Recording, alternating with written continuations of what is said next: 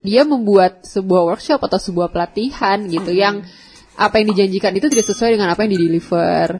Hai semuanya, selamat datang di channel Insight with Z bersama gue Zerika dan buat kalian yang sudah datang terima kasih, semoga kalian sehat selalu, semoga dengan video ini kalian terinspirasi, terhibur gitu ya. Karena Insight with Z punya tagline karena cerita ingin mendengar bagianmu, mantap sih. Nah untuk hari ini gue udah kedatangan seorang tamu cantik ya. Hmm, lebay, lebay. Adam pastinya harus stay tune sampai akhir karena di sini ada eh, Putri Arab kayaknya ya.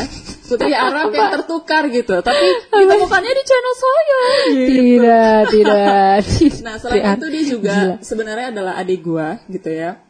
Mungkin kalau kalian lihat muka dia, bisa ngeliat muka gua, ini perbedaannya sangat sangat tragis gitu Uncanny ya, ya. Kayaknya gua uncanny. anak tetangga gitu.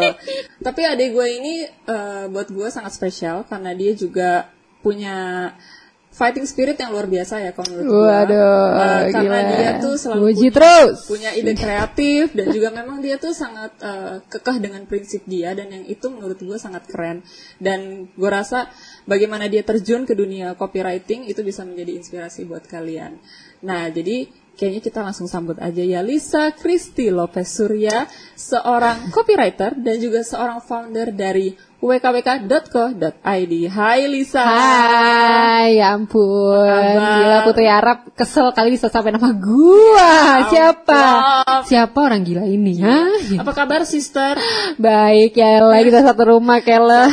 Tapi by the way gue akan manggil dia sister ya mungkin akan terdengar seperti kayak online shop gitu tapi mohon dimaklumin ya Eh, jadi thank you banget sister udah mau datang. Sama-sama tinggal turun kok dari atas. baik nah jadi gue mau langsung aja nih eh, Oke. ngomongin tentang lo yang menjadi seorang copywriter ya Hmm, baik. jadi sebenarnya kalau pertama kali waktu gue mendengar lo menjadi ingin menjadi seorang copywriter gue tuh di benak gue gue malah merasa bingung gue nggak kaget sih sebenarnya karena lo tuh dari dulu memang unik gitu ya maksud gue dia tuh selalu mempunyai ide kreatif Hmm. dan ketika gue pengen ngelakuin ini dia ngikutin gitu dan dia sering kali melakukan invention uji coba gitu Itu Aduh malu banget. gitu. Iya gue inget banget waktu dulu zaman gue bikin map apa map dari foto-foto anime gitu Oh terus kayak God, kayak gila nih sekarang kalau gue pikir gila wibu banget ya. yang gue ingat ya dia tuh pernah bikin jadi dia pengen bikin kayak scrub atau apa gitu dia sampai beli air rosemary Oh, iya. dan segala macam dan itu seniat Sakit itu jiwa, guys iya, jadi iya, dia iya. memang selalu melakukan uji coba Aduh, jelas. nah jadi ketika lu menjadi seorang copywriter lu bilang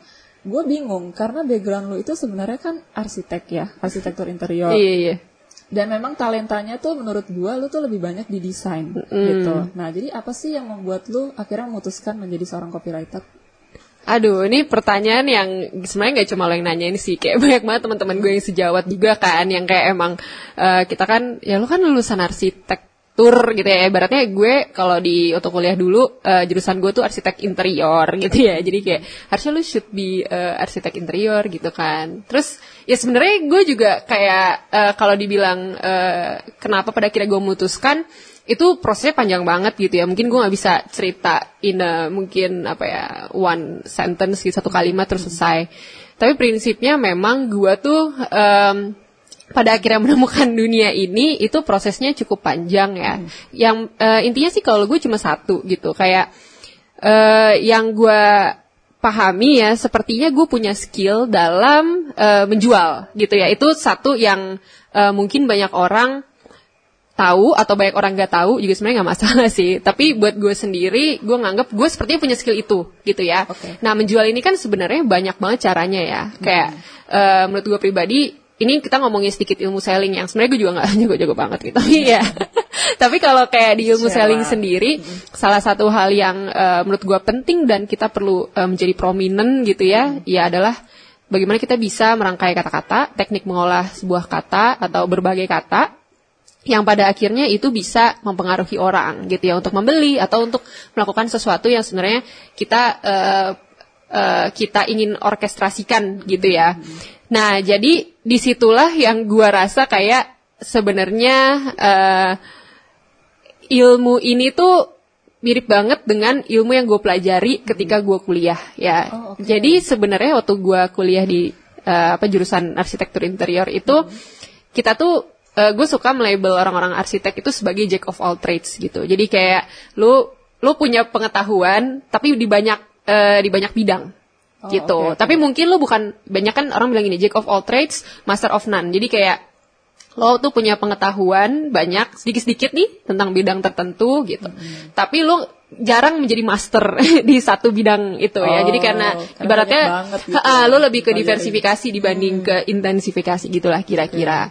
Nah, itu yang kemudian gue menemukan kesamaan di dunia copywriting gitu. Karena menurut gue pribadi copywriting itu sebenarnya nggak cuma ngolah kata-kata gitu. Oh gitu. Jadi kalau misalnya orang bilang kayak ah nulis tuh gampang gitu. Menurut lo gimana tuh kalau Ya sebenarnya kalau gampang atau enggak lu nulis nulis aja gitu ya. Tapi yang susah itu kan ketika lo ingin menulis eh, tetapi lu punya masuk-masuk tertentu gitu. Bagaimana caranya misalnya sederhana eh, kayak ya kalau menurut gua ya kata-kata itu tools, hanyalah sebuah tools gitu. Misalnya kayak gue bilang eh, ke lo nih, misalnya kayak intensi gue adalah gue pengen bilang lo cantik gitu. Sebenarnya kan banyak sekali yang bisa gue bilang. Kayak misalnya, eh lo cantik hari ini gitu. Iya. Atau gila ke mana aja lo kemarin? Misalnya nggak pernah tampang lo kayak gini gitu. Sebenarnya kan kita ingin di- mengindikasikan bahwa oh ada perubahan penampilan gitu. Atau lo bisa eh, bisa kita katakan penampilan lo baik pada hari ini gitu. Tapi kita menjelaskannya dengan dua cara yang berbeda gitu. Nah untuk bisa sampai ke situ sebenarnya nggak cuman mengolah kata yang kita perlu tahu gitu kan. Tapi bagaimana kita bisa eh, menyerap gitu sebenarnya nilai-nilai apa sih yang em, artinya tertanam di sebuah individu di sebuah kultur gitu ya. Misalnya ini kalau kita mau ngomong kata-kata dalam eh, artian memproyeksikan sebuah eh, apa namanya niat komunikasi kayak oke. gitu. Nah, tapi kan eh, sederhana orang mikirnya copywriting cuma nulis gitu ya, bermainnya cuma kata-kata. Padahal sebenarnya tidak sederhana itu sih.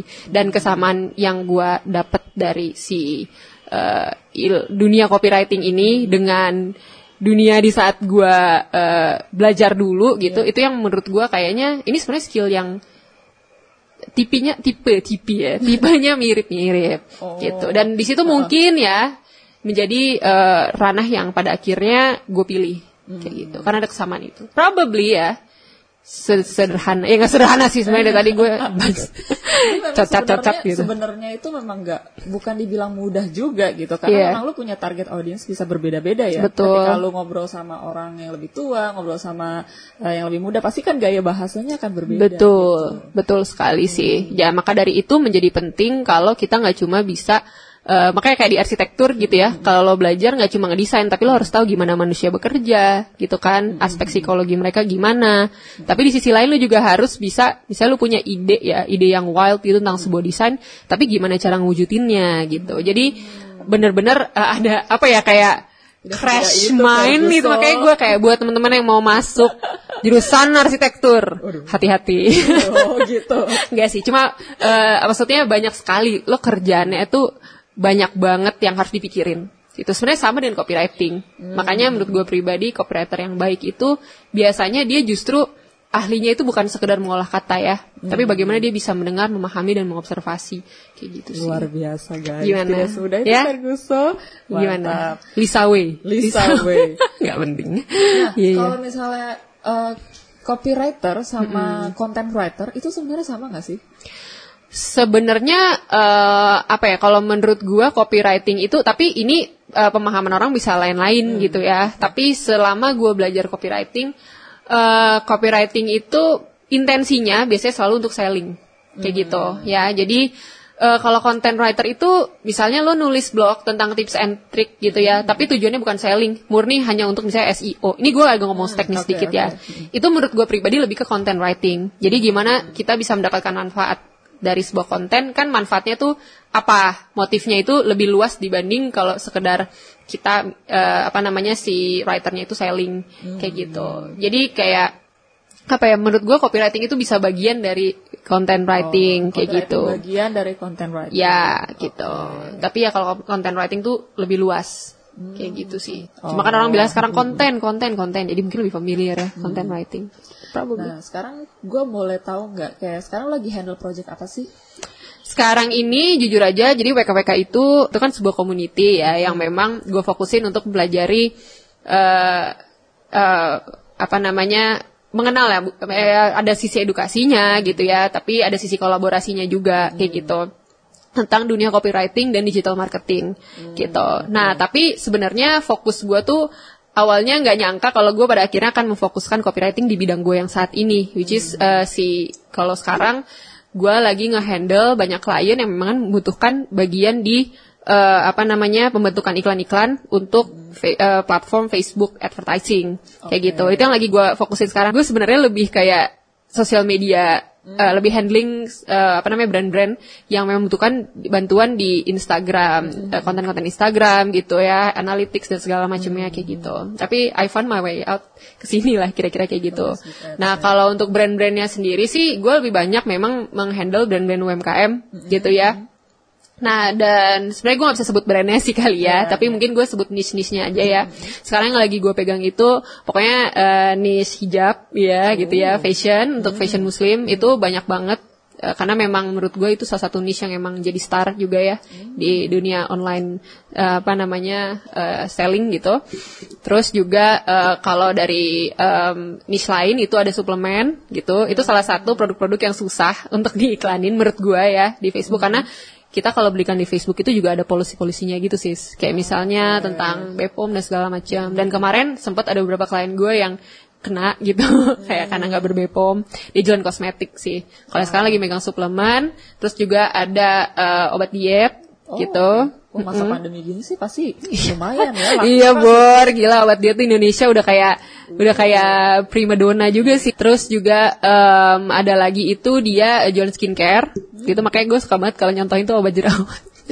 Karena kayak gue juga heran setiap kolaborasi ada aja obat jerawat gitu. Gue kayak oh berarti emang mungkin banyak pemainnya gitu ya.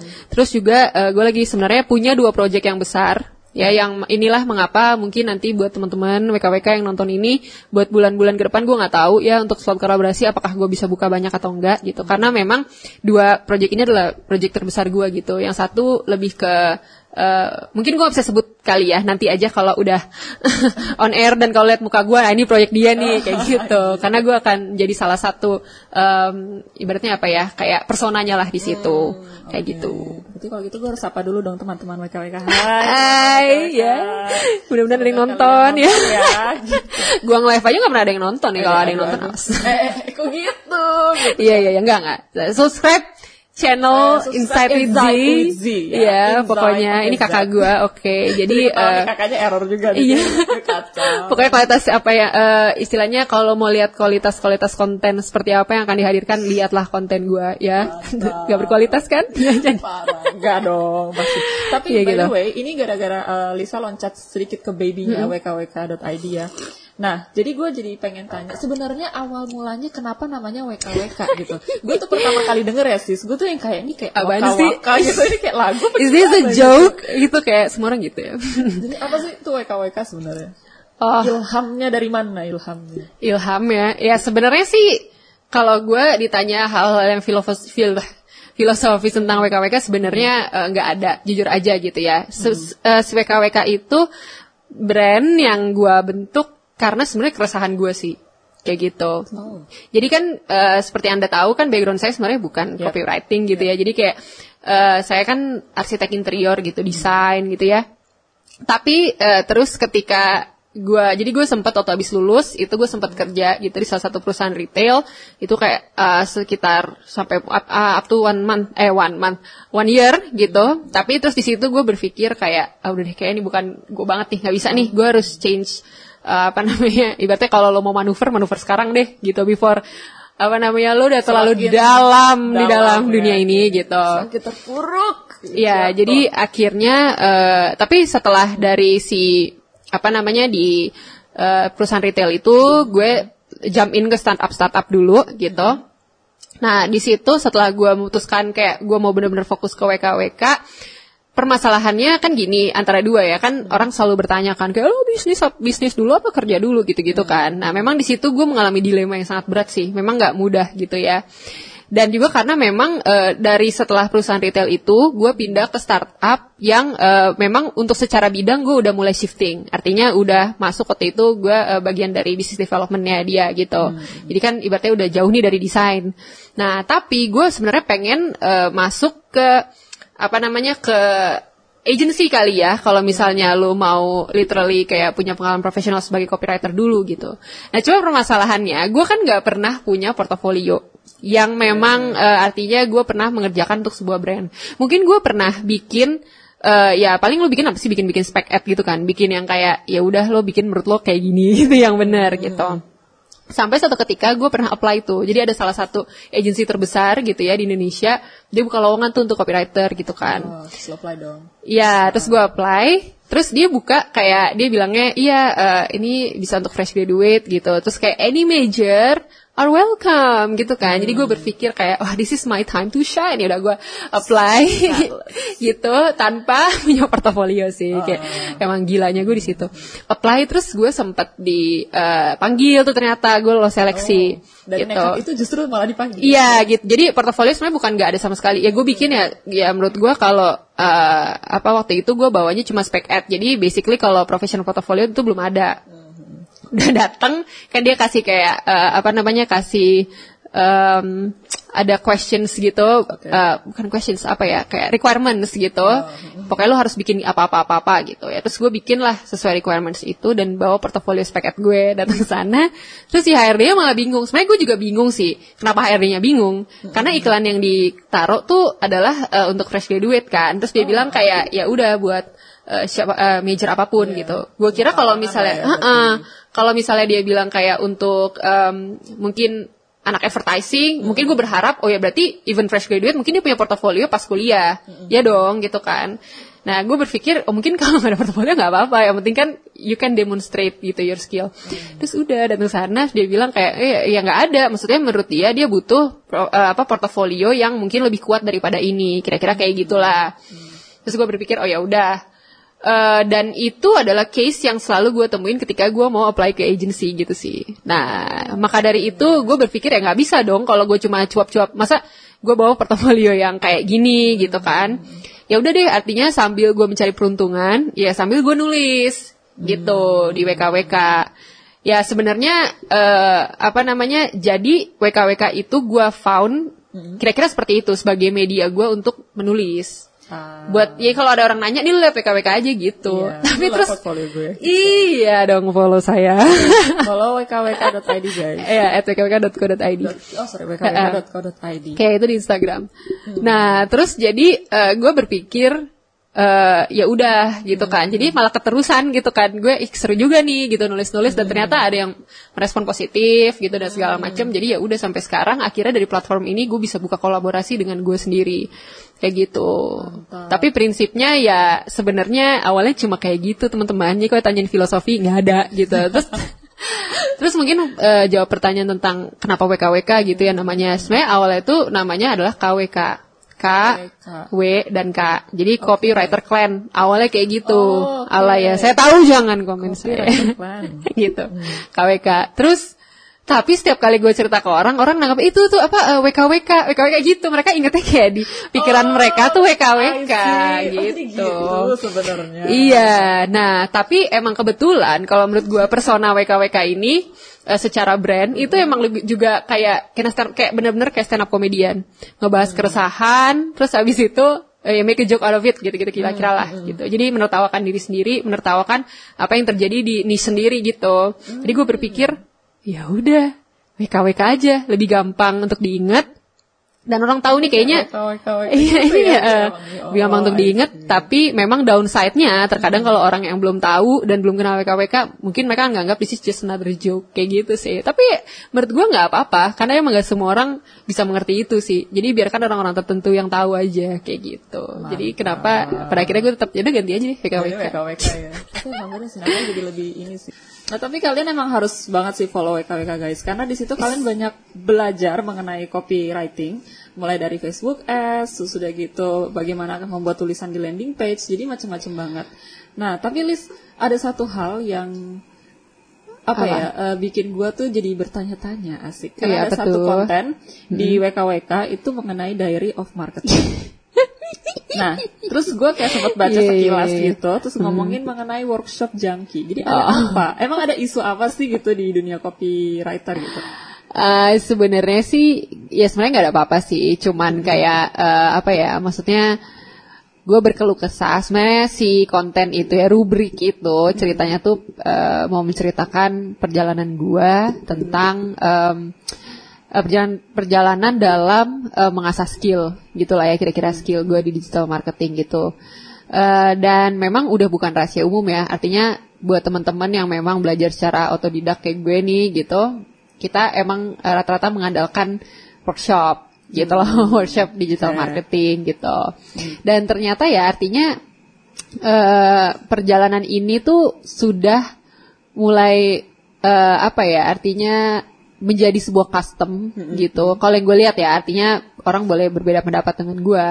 Tapi gue udah melihat ini tuh jadi mulai mulai menjadi sebuah custom bagi eh, para eh, edukator yang ada di digital marketing gitu. Nah artinya ya ada supply ada demand gitu ya. Ketika banyak workshop jangki, akhirnya orang langsung berpikir bahwa oh ini tuh bisa jadi salah satu alternatif buat lo belajar gitu. Dan eh, tidak banyak gitu ya, menurut gue pribadi gitu. Orang-orang yang memang punya eh, integritas gitu dalam dalam membuat sebuah workshop. Ini bukannya gue mau apa ya? bukannya gue mau menyudutkan atau apa enggak prinsipnya kita boleh belajar dengan semua orang gitu cuman terkadang karena banyaknya supply demand ini dan banyak juga si custom workshop junkie ini gitu eh, banyak banget orang-orang yang memang artinya dia membuat sebuah workshop atau sebuah pelatihan gitu yang apa yang dijanjikan itu tidak sesuai dengan apa yang di-deliver Oh, kayak, gitu Ada pengalaman pribadi. oh, bukan ada tapi jelas gitu ya. Kalau bisa dibilang 100% gue bener-bener belajar dari ilmu orang lain. Paling besar itu porsinya ada di workshop gitu, kursus seminar yang gitu-gitulah. Nah, dan perjalanan dan selama gue mengikuti berbagai acara-acara ini gitu, gue mulai melihat ada pola-pola tertentu gitu yang gue pengen share aja ke teman-teman yang lain. Mudah-mudahan ya bisa menambah manfaat dalam memilah dan juga memilih gitu. Kira-kira workshop mana sih yang gue nggak sebut spesifik workshopnya, tapi gue kasih kisi-kisi nih biar lo tidak terjerumus kayak gue gitu ya. Dengerin guys. Karena eh, apa sih yang dimaksud dengan terjerumus gitu ya? Kalau gua gue bilang gue terjerumus itu ketika judul workshop atau apa yang dijanjikan di workshop itu ternyata tidak terdeliver gitu di workshop itu ya. Jadi eh, ada ibaratnya mini-mini menipu nih sebenarnya gitu kalau menurut gua. Karena ya gue ngerti lah kan gue copywriter juga gitu. Ada bahasa-bahasa bombastis yang kadang-kadang suka di eh, apa namanya dituliskan gitu kayak, "Wuh, dapet nih, bisa ikut workshop ini bisa dapet 100 juta per bulan dari Wow. Facebook Ads gitu ya Wow. gitu-gitu." Padahal sebenarnya pas mau gitu? Iya, pas jadi kayak pas ketika lo apply gitu terus kayak misalnya workshopnya cuma berapa ratus ribu gitu ya, misalnya bisa dikatakan untuk ukuran eh, workshop sejenis itu tuh price pointnya rendah.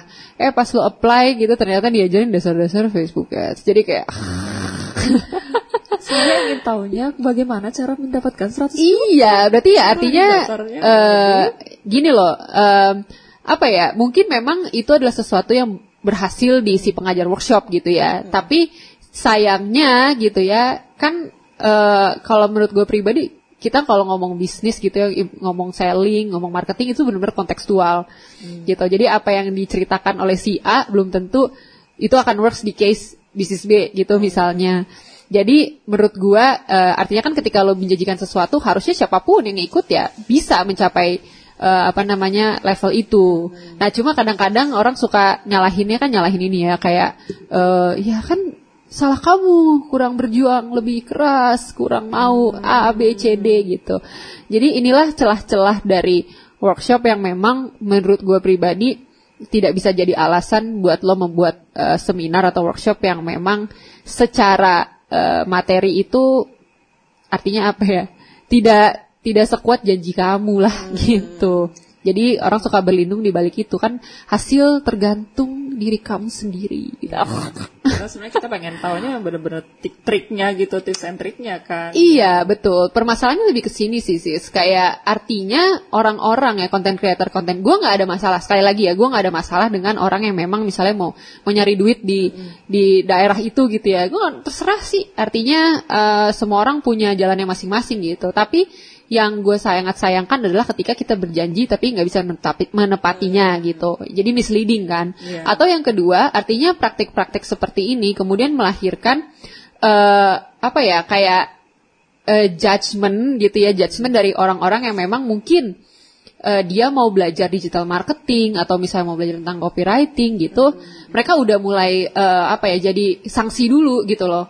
Ketika memang ada content creator content creator yang memang mereka bisa dibilang oh ilmu yang mereka sharingkan itu ilmu-ilmu yang bermanfaat, misalnya kayak gitu. Jadi pertama gitu, jadi ya, itu apa ya ibaratnya clouding lah ya, Iya. clouding orang-orang yang memang potensial. Dan eh, artinya kalau gue prinsipnya memang ada ya di mana ahli ah, ya memang sekarang gini deh apa sih definisi dari ahli gitu kan?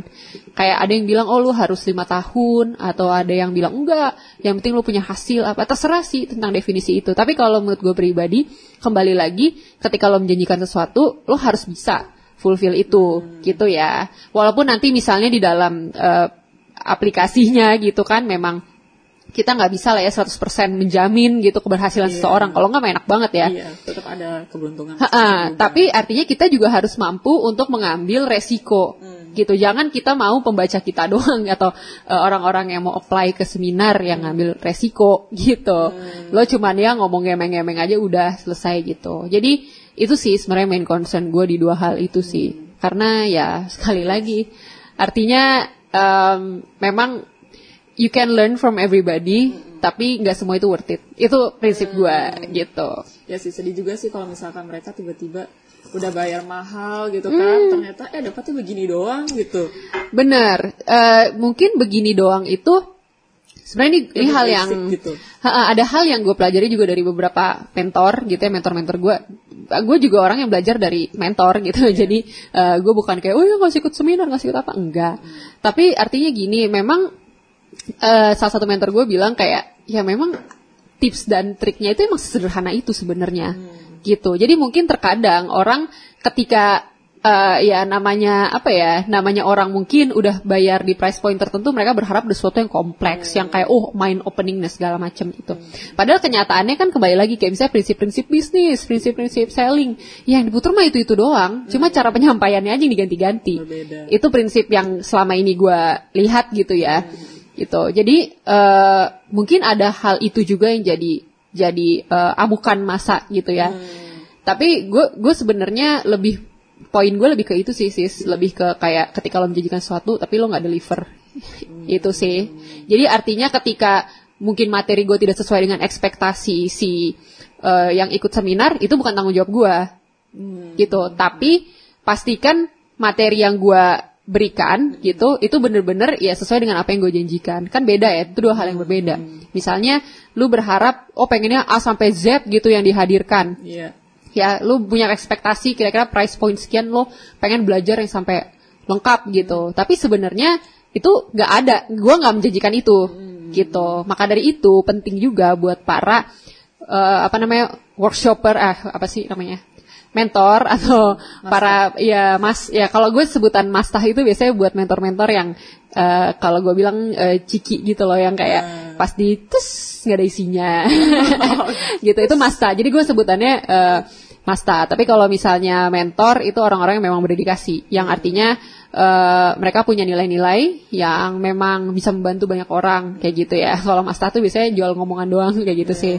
Nah tapi artinya gini mungkin ada PR juga buat para mentor-mentor gitu ya buat biar kalau bikin eh, apa ya bikin workshop atau apa kasih hal-hal yang spesifik gitu karena banyak yang kalau gue lihat artinya eh, perbedaan pemahaman bahwa apa yang akan gue dapat di workshop itu tuh karena ketidaklengkapan itu sih sebenarnya. Kayak lo bilang misalnya menjanjikan A B C D tapi eh, ternyata A B C D itu masih sesuatu yang sangat general gitu. Karena apalagi kan kalau orang kan ya memang nggak ada cara lain ketika lu ikut sebuah workshop gitu ya. Artinya kan lu emang udah bayar pakai ini aja ya, bayar pakai kepercayaan diri, apa eh, trust aja gitu Iya kayak ya nanti gue akan dibina oleh dia kayak gitu sih. Paling itu sih kalau yang bisa gue share terkait si eh, apa namanya eh, rubrik gue itu. Hmm.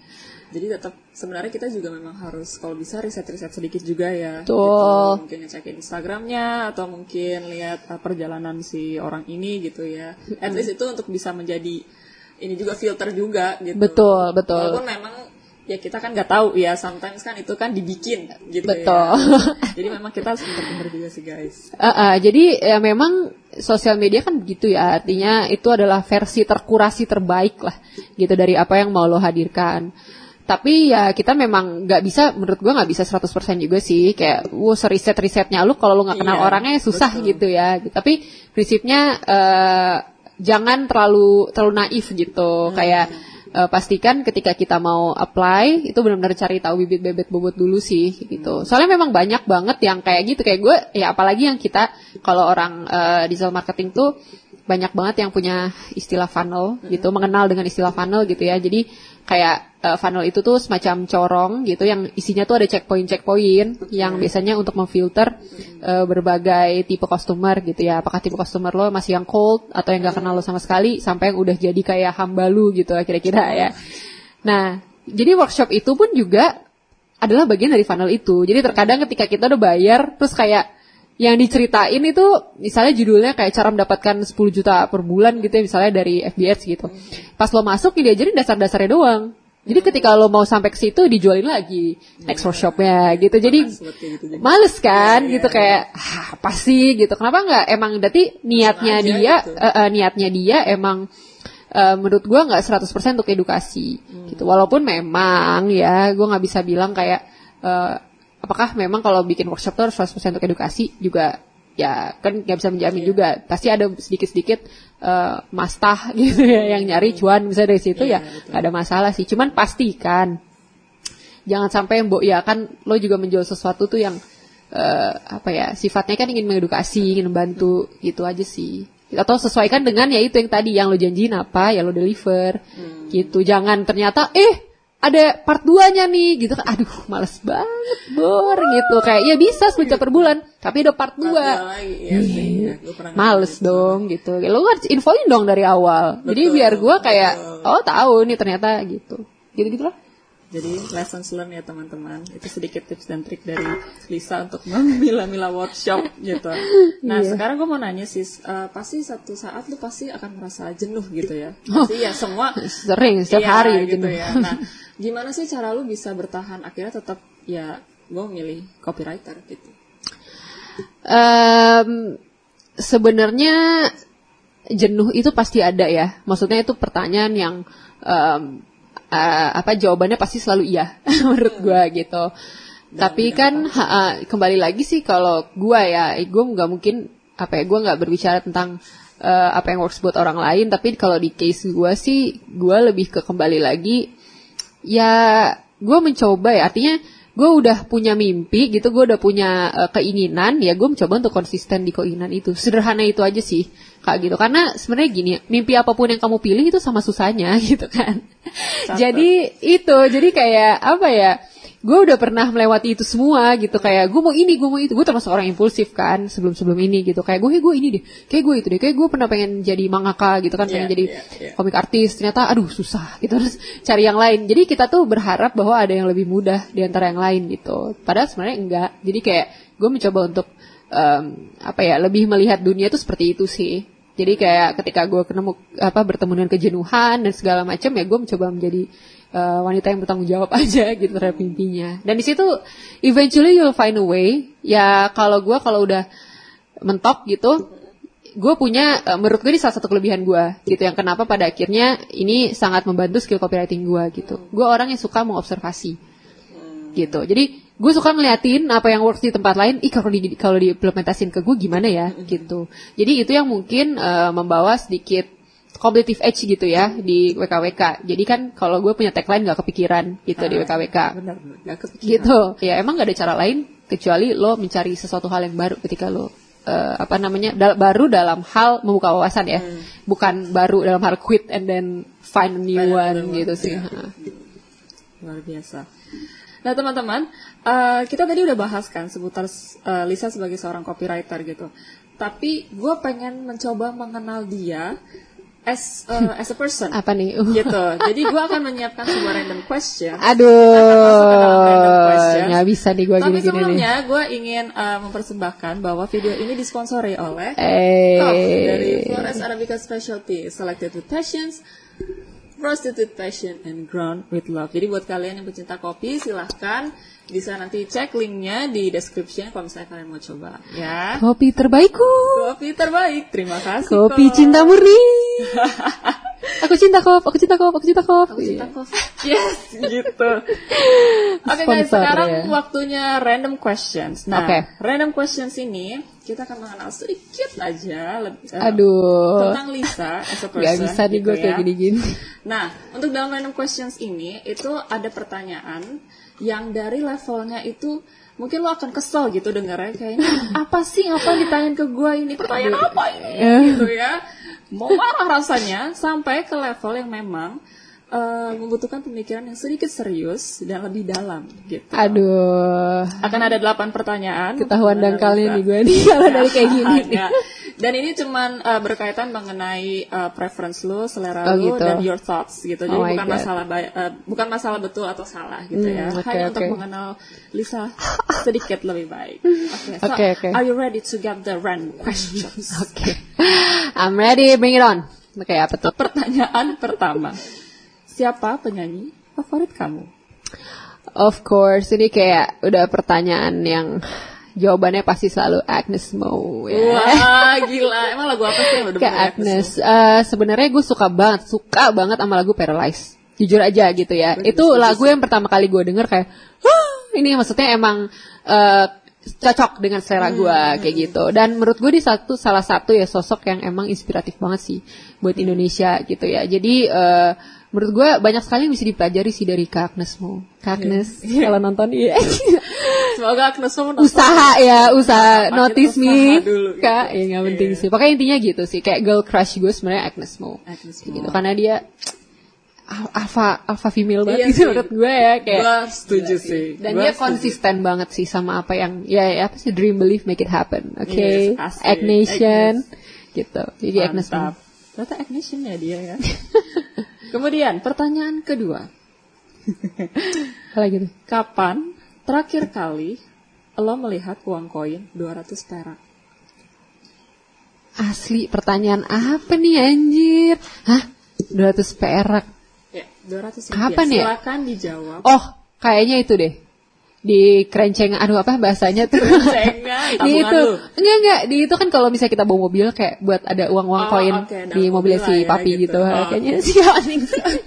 Yang penting masih lihat lah ya. Iya, ada ada sih 200 perak waktu itu. Next question. Apa nama terseksi yang pernah kamu dengar sejauh ini? Huh. Sensual. Hmm.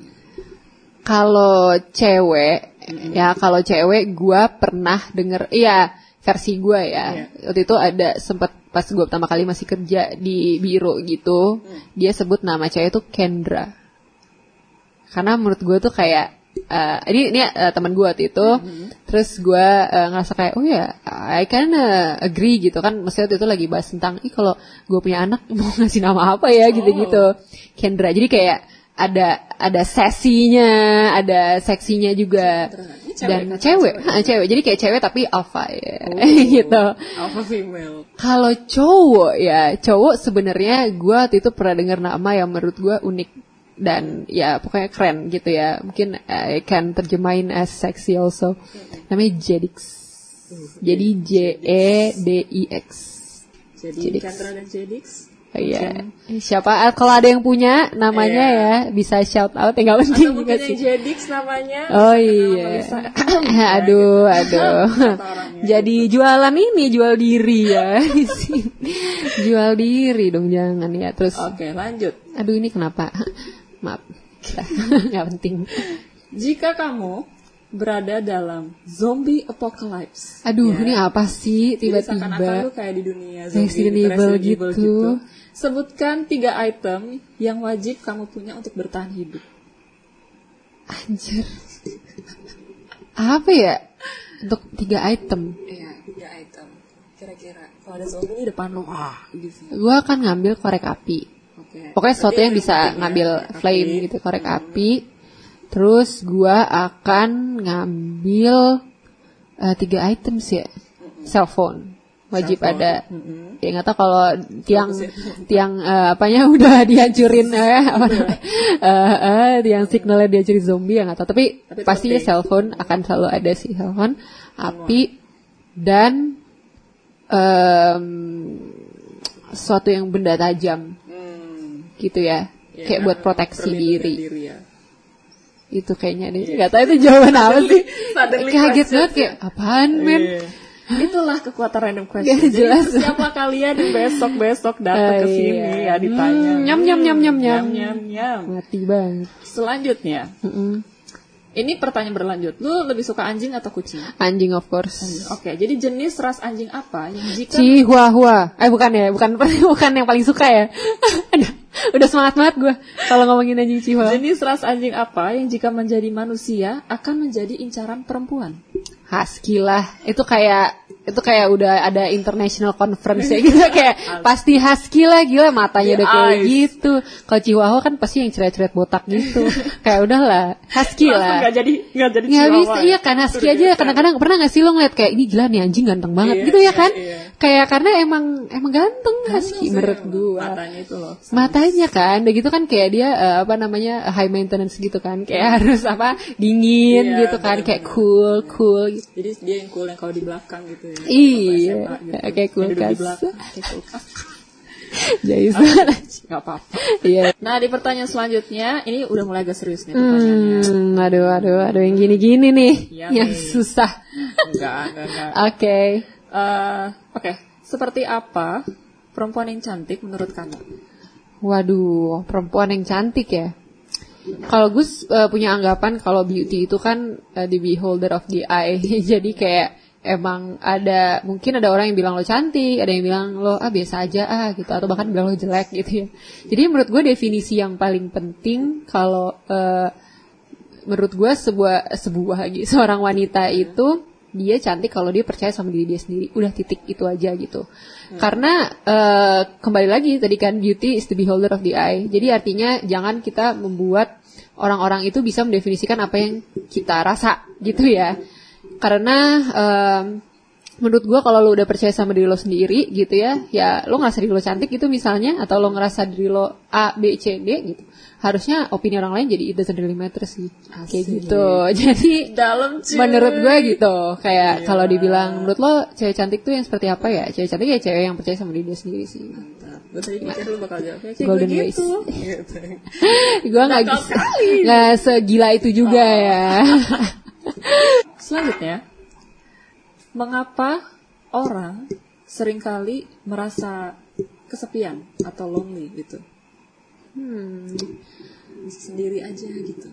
Kira-kira menurut gimana? gua ya ini tebakan gua ya menurut gua karena nggak ada yang bisa connect dengan dia karena lonely itu bukan berarti lo kadang-kadang kayak ya udah lo sendirian bahkan orang yang di tempat ramai pun bisa merasa sendirian gitu kan jadi sebenarnya menurut gue lebih ke kayak ketika lo nggak bisa punya koneksi dengan seseorang lo ngerasa kayak kok nggak ada yang nyambung sama gua gitu di situ mungkin lo akan merasa lo sendirian lo akan merasa kesepian gitu. Nah nanti ini bisa tertranslate dengan banyak hal gitu bisa kayak ke pasangan gitu. Kan kadang-kadang orang punya pasangan tapi tetap aja masih merasa kesepian kayak gitu sih. Jadi ya probably itu jawaban gue ya. My best answer like that gitu. Mantap. Sangat deep sekali ya ternyata Nyonya Lisa. ya tuh pertanyaannya seperti itu. Coba tanya yang gampang kayak kemarin makan apa gitu Hostnya digalakin dong guys, gila. iya iya iya parah banget ya. Oke. oke oke. Lanjut, ini pertanyaan terakhir guys. oke asik. Apa hal sederhana yang membuat lu bahagia? hal sederhana yang buat gue bahagia menurut gue adalah bagaimana gue bisa melakukan sesuatu sesuai dengan apa yang gue inginkan. Itu aja sih. Itulah sebenarnya rebel gue dari awal. Itu mungkin kayak ke orang tua gitu ya ke teman ke siapa pun gitu. Banyak sekali orang yang ngerasa kayak kalau you don't really fit on certain terms gitu loh. Eh, ada yang orang bilang gila lo kayak lo belum apa apa udah mau jump in ke sesuatu gitu misalnya. Tapi buat gue gue mendingan jump in daripada gue enggak melakukan itu gitu. Karena ketika gue nggak melakukan itu gue ngerasa gue nggak nggak nggak happy gitu. Tapi kembali lagi ini bukan berarti menjadi tidak realistis ya. Artinya lebih ke kayak ketika gue bisa diberikan kesempatan untuk bisa mengeksplorasi apa yang gue inginkan sih. Itu sih Sekali-kali sudah mulai mengenal sedikit kan Lisa seperti apa orangnya. Ya ampun, ya ampun, Serius, serius, tapi banget. juga bisa joke juga orangnya ya ternyata. Iya, gue suka banget loh nonton stand up comedy ya buat nggak tahu trivia nggak penting juga sih. Karena gue menemukan jujur ya salah satu sumber inspirasi terbesar WKWK tuh stand up comedian sebenarnya. Karena mereka tuh ya literally mirip-mirip banget menurut gue dengan copywriting ya. Bagaimana kemampuan mereka mengolah kata, bagaimana sesuatu tuh menjadi lucu atau punya perspektif lain gitu. Itu gue jujur belajar banyak dari komedian. Wah, wah, wah. ternyata sumber inspirasi Lisa itu Iya. dari stand up comedy guys. Wah, gila gila. Luar biasa sekali. Ada stand up komedian yang mau kenalan? Eh, langsung ya nanti bisa bisa langsung DM aja at Lisa Christie. Oh, eh, tidak Eh. dibalas, tidak dibalas. Kembali fokus, Baik, fokus ke WKWK. fokus. Fokus. Oke. Nah, karena tadi kita udah mengenal sedikit, kita udah sedikit ya trivia lah ya dengan Hmm, random questions dengan Lisa. Nah, gue pengen nanya ini untuk pertanyaan terakhir mengenai rangkaian interview. Nanti abis ini Lisa akan memberikan kita sedikit tips and trick Uh, ya. Kita apa mendapatkan tuh? sesuatu dari uh, founder of wkwk.co.id. Iya, iya, iya, iya. Nah, pertanyaan closing. Jadi apa sih planning lu ke depannya? Goals apa lagi yang pengen lu capai? Oke, kalau gue pribadi sih eh, sebenarnya kalau planning ke depan itu gue mencoba untuk menspesifikkan dulu kali ya, karena planning ke depan tuh kan bisa kayak lo mau sampai tujuan hidup lo yang kayak sampai gue umur 50-60 gitu ya, itu kan mungkin menurut gue terlalu jauh. Tapi eh, dalam gue punya mimpi dari dulu gitu sebenarnya gue pengen eh, bisa berguna bagi masyarakat. Itu itu udah sesuatu yang terserah mungkin orang bilang klise atau apa ya bodo amat sih gue gak peduli gitu. Tapi intinya gue pengen eh, jujur aja membantu banyak sekali ya eh ex eh, apa namanya wanita-wanita PSK gitu misalnya. Itu itu dream gue dari dulu. Gue gak tau kenapa. Karena gue ngerasa banyak sekali orang-orang ini tuh yang emang eh, karena kan gue gue suka hal-hal yang berbau empowering women gitu. Kayak ya We can see that. Ya. kayak gitu. Jadi kayak ketika gue ngeliat ada perempuan yang sebenarnya mungkin karena keadaan atau mungkin karena eh, ketidakbisaan untuk memilih gitu ya dalam hidupnya jadi dia harus memilih hal-hal seperti itu. Nah gue tuh pengen pengen sebenarnya ngurusin hal-hal itu gitu in the long run ya.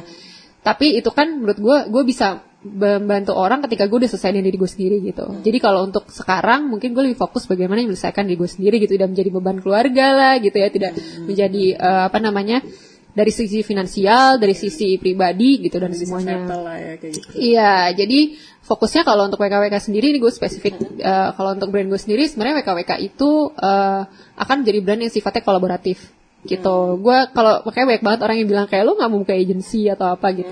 Gue di awal sebenarnya mulai dengan mindset itu, dengan mindset agency. Tapi setelah gue jalani kayaknya nggak nggak cocok dengan personality gue gitu. Dengan dengan nilai-nilai juga. Ya pertama itu dan juga nilai-nilai yang mau gue bawa di WKWK kayak gitu. Gue lebih suka WKWK itu jadi eh, community kolaboratif nantinya ke depannya.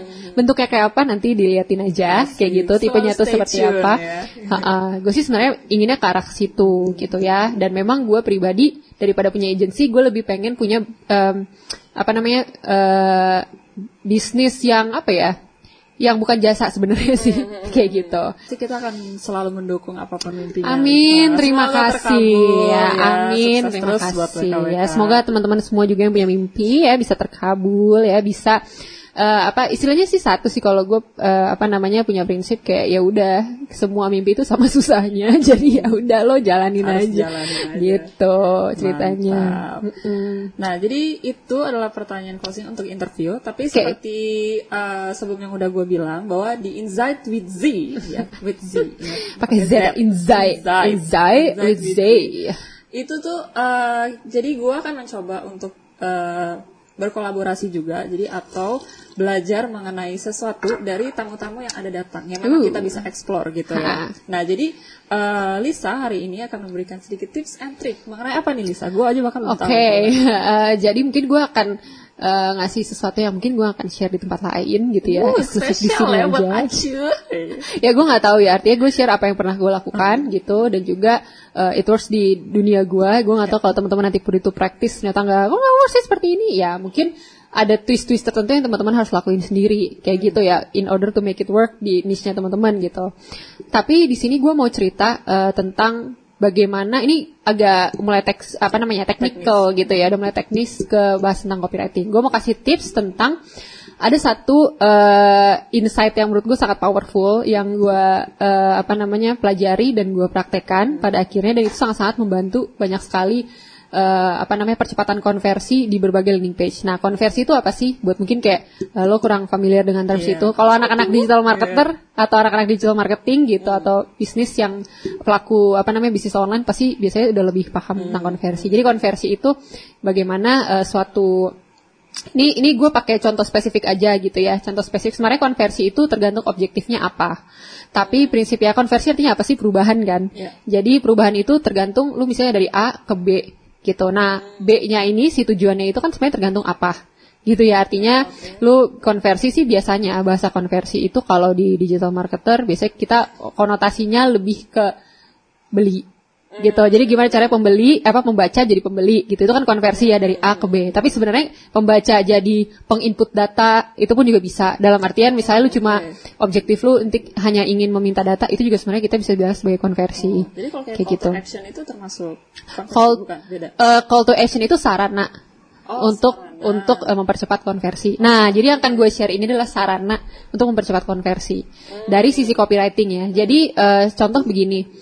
Ini juga tentunya gue nggak dapat eh, datang dari ilham wahyu Tuhan gitu nggak gitu. Tapi artinya gue belajar dan mengolah dari eh, apa namanya pelajaran berbagai mentor juga dan sekaligus gue mencoba untuk eh, sintesis sendiri gitu ya. Misalnya eh, gue selalu bilang kalau kata-kata itu hanya sebuah cara, hanya sebuah tools gitu. Yang gue bilang kayak di awal podcast gitu, misalnya kayak lo cantik, tapi gue bisa menceritakan dengan berbagai macam cara gitu ya, dengan berbagai susunan kata-kata gitu. Misalnya "Ih, gila lo beda lo hari ini gitu. Itu kan udah kayak kalau di Indonesia itu kesannya kayak ih gue cantik nih kayak hari ini. Hari ini gue kayaknya ada sesuatu yang menonjol dari gue gitu. Nah, atau ya memang lu speak up langsung ya lo cantik hari ini gitu kan. Jadi kayak sebenarnya nilainya sama nih, tapi lo cara penyampaiannya berbeda. Beda gitu. Atau mungkin yang kedua sebenarnya sama-sama cantik tapi yang kedua ini lebih ke kayak ada hal yang menonjol dari diri lo gitu. Kalau cantik kan langsung straight Ya. gitu. Nah, itu prinsip yang juga gue lakukan ke ketika gue mau maksa calon buyer untuk beli sekarang. Mhm. Nih, kita kita itu suka banget Indonesia nggak tahu ya, kayaknya di dunia juga sih. Kayak kita lebih banyak memberikan punishment daripada memberikan reward.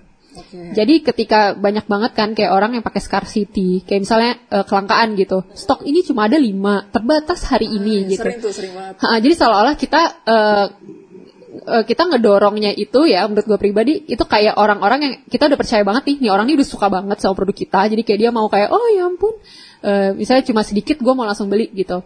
Mungkin itu akan works di beberapa di eh, apa namanya at a certain point gitu. Tapi menurut gue itu kata-katanya sudah selalu digunakan orang. Jadi eh, mungkin ya pembeli yang lihatmu juga kayak ah, trik-trikan doang gitu loh. Padahal stoknya nggak segitu gitu kan Iya, ya. sense. Betul. Nah, jadi gue menemukan cara yang lebih powerful. Walaupun yang tadi bukannya salah ya, tetap bisa dilakukan. Cara yang lebih powerful adalah bagaimana kita memberikan reward buat orang yang take action sekarang, rather than punishing them gitu.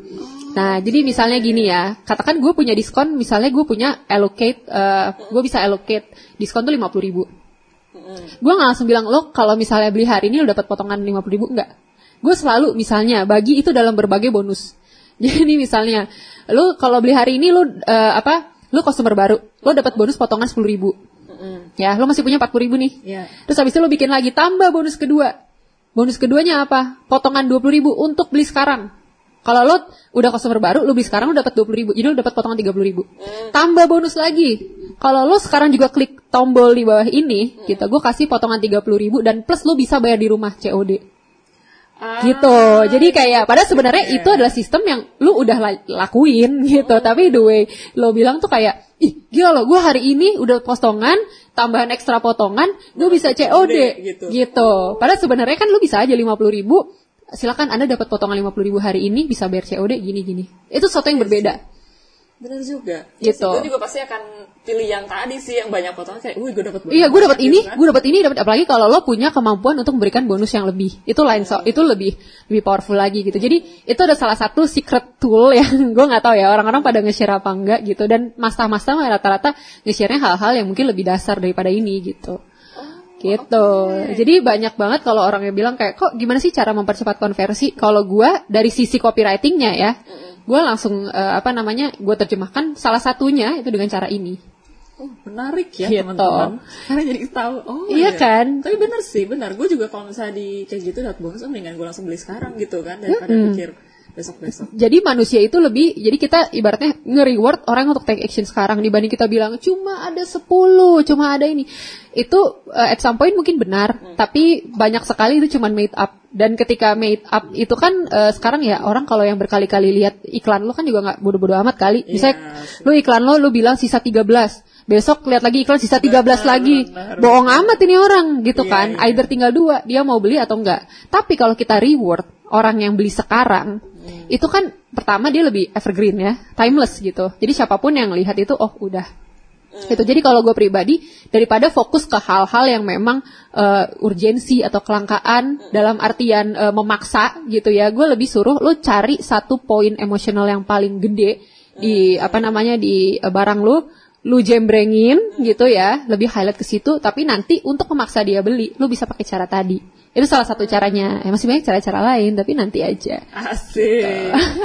wow, ya kan, itu. gitu. Itu nggak, setahu gue jarang sih di share sama Masa, karena itu menurut gue nilainya besar, gitu. Hmm. Kalinya besar. Tapi kalau misalnya kayak gue juga new customer gitu ya, gue ngeliat kayak gitu, gue jadi merasa kayak, eh gue dilihat loh sebagai new customer kan, gitu. Jadi, gitu. ih gue dikasih potongan, dikasih ini. Jadi ada, entah kenapa ada connection gitu. Gue merasa ada feel bahwa oh, orang ini kayaknya kasih gue sesuatu. Uh, uh, gitu, sebenarnya gitu. setahu gue ya kayak salah satu eh, apa ya eh, lo tuh bisa mempercepat konversi ya eh, salah duanya dengan dua cara ini. Yang pertama membangun trust atau yang kedua adalah ngurangi resiko buying. Hmm. contohnya membangun trust itu ya misalnya eh, kayak lu udah ngasih tahu gitu misalnya lu udah pernah melakukan eh, bukti-bukti apa gitu ya terus juga punya hasil-hasil apa gitu. Itu salah satunya. Dengan dan juga ketika eh, misalnya lo punya sesuatu hasil yang bombastis gitu itu lo benar-benar bisa menceritakan provennya itu seperti apa sih. Kayak lu em, apa namanya ya benar-benar ada hasilnya yang bisa ditunjukkan gitu. Itu salah satu cara untuk bangun trust. Atau yang kedua yaitu ngurangin resiko buying. Nah, resiko buying itu salah satunya yang tadi gue bilang gitu, kayak hari ini lo dapet reward, misalnya kayak gitu kan, artinya gue mendapatkan poin plus gitu loh, ya. Atau yang kedua eh, bisa juga kayak misalnya lo kasih eh, apa namanya kasih jaminan kalau misalnya produk gue nggak works, lo dapet benefit apa, guarantee lah. Kira-kira kayak gitu. Nah, jadi kalau misalnya lo bilang tadi kayak ada new customer, gue merasa terpanggil. Nah, itu menurut gue lebih cocok ke cara membangun trust yang pertama gitu. Bagaimana eh, kita tuh care gitu, kita nunjukin kalau eh, kita tuh peduli dengan mereka gitu. Kita tahu. gue pernah buat satu video gitu ya di WKWK. Kontennya tuh gue punya termsnya itu tuh em, di konten itu gue sebut sat- salah satu termsnya kalau nggak salah tuh. Ntar, gue tiba-tiba lupa. Culik anaknya. Jadi culik anaknya itu artinya gini kayak ketika gue dipanggil, gue lagi Iya. jalan, terus kayak ada yang manggil gue, mbak mbak gitu. Gue lagi di tempat ramai nih. Oke. Bisa jadi bukan gue yang dipanggil kan? Mungkin dia harus manggil gue 3, 4, 5 kali. gitu. Tapi kalau misalnya dia mulai manggil gue kakaknya, eh apa adiknya Zerika gitu. Mungkin gue udah kegeran nih, pasti Iya, gue iya, dipanggil. Jadi gue nengok gitu kan ke samping gitu. Nah, di situ artinya apa sih? Eh, artinya si orang tersebut udah bisa mengambil apa yang penting buat gue gitu. Jadi gue suka bilang, "Eh, culik anaknya, culik anaknya gitu. Maksudnya tuh gitu. Oh, oke. Jadi ketika gue bilang, eh customer baru, gue tahu keadaan lu kan, lu pertama kali buat iklan Iya, gue, iya, gitu. iya. Tapi kalau misalnya ada customer, misalnya kita retargeting, gue nggak akan pakai iklan yang sama. Gue akan bilang, cie udah buka iklan gue tapi masih galau. Misalnya gitu. Oh, Kan bisa gitu ya nice. ketika iklan. Jadi kita benar-benar tahu gitu. Kita culik anaknya. gitu kira-kira kayak gitu lah. Keren banget ya, Jadi guys. itu cara membangun trust kayak gitu. Artinya orang merasa bahwa kok gue diperhatikan ya, gitu. Kok dia tahu ya tentang gue gitu. Di situ ada koneksi, mulai pelan-pelan mencari tahu. Gitu-gitu deh. Gimana teman-teman sudah terinspirasi? Wih, Ya, gimana? buat kalian yang memang jualan juga ya kalau lagi Ya. usaha untuk bikin-bikin tulisan. Ya. Jadi copywriting itu eh, sulitnya ada di nyusunnya, gitu. Nulisnya mah nulis aja sebenarnya gitu. Terima kasih sekali Lolita. Ya, terima kasih. Thanks for kasih having sudah me. mendapatkan tips dan trik yang luar biasa nih buat jualan ya. Ya, amin ya semoga bermanfaat. Artinya apa yang gue ceritakan ya kalau eh, apa namanya tidak dipraktekan atau eh, mungkin ngerasa kayak kok udah dipraktekan tapi nggak sesuai ya tadi pesan gue yang pertama mungkin teman-teman harus ngelakuin beberapa twist gitu ya karena gue selalu percaya marketing activity atau apa pun itu yang berkaitan dengan eh, apa namanya perilaku selling dan segala macam itu udah bener kontekstual sih. Itu. Jadi no no size fits no one size fits all. Mantap. Tuh ceritanya. Luar biasa. Tangan dulu dong Terima Lisa. kasih. Thank you banget Lisa. Thank you banget sister udah Yes, hadir, terima kasih udah sudah mengundang saya padahal kita satu rumah. rumah kita. Tapi hari Iya, ini iya, kita iya. belajar banyak tentang copywriting, tentang Lisa juga bagaimana dia terjun. Jadi teman-teman yang mungkin punya eh, pengen juga jadi copywriter, itu mungkin juga bisa ya nanya-nanya WKWK mungkin. Boleh, boleh, gitu. banget Eh ya. tapi sekali lagi gue bukan ahli ya. Kayak orang banyak yang kayak, kak aduh mau jadi murid gue, buset gue aja masih murid gitu. Enggak, enggak, gue bukan ahli. Gue cuma menceritakan apa yang sudah pernah gue lalui gitu. mungkin bisa sharing-sharing untuk pengalaman bisa tanya Hmm. sama kakak Lisa. Ya, ya jangan jangan baper ya kalau dibalasnya lama karena kasihan itu admin saya kayak udah kak kenapa aku dimarah-marahin gitu ya. Jadi eh, jangan ini ya, jangan harus sabar, harus, sabar, gitu. harus sabar ya. Yang penting follow dulu ya wkwk.co.id. Oke, terima Tadi kasih. Silahkan di follow. Eh, sekali lagi thank you banget Lisa dan eh, buat kalian juga teman-teman yang udah nonton, eh, thank you banget. Semoga kalian terinspirasi. Dan sekali lagi video ini disponsori oleh Kof. Ya, Flores Arabica Specialty selected with patience, roasted with passion, and grown with love. Buat kalian yang mau beli, nanti gue akan kasih share eh, linknya di link description. Ini wanginya sih gila loh. Dari Kayak dari tadi ini kalau teman-teman bisa mencium dari dari dari eh, apa namanya entah HP entah laptop nih gila ini wangi banget. Kalian boleh banget silakan cek linknya dan juga untuk wkwk.co.id juga kalau kalian mau tanya-tanya, gue juga akan share linknya di description. Jadi buat kalian yang suka dengan video ini silahkan di like, di share, dan di subscribe. Jadi kalau misalnya next, siapa tahu kalian yang akan menjadi tamu gue gitu ya. Mantap banget Uh, kan ya, karena siapa pun bisa jadi narasumber ya di Betul, sini ya Seperti gitu. tagline-nya gue itu adalah karena cerita ingin mendengar bagianmu. Jadi terima kasih teman-teman sudah mengikuti Insight Wizi. Ketemu lagi di next video selanjutnya. Terima kasih dan dah. Dadah.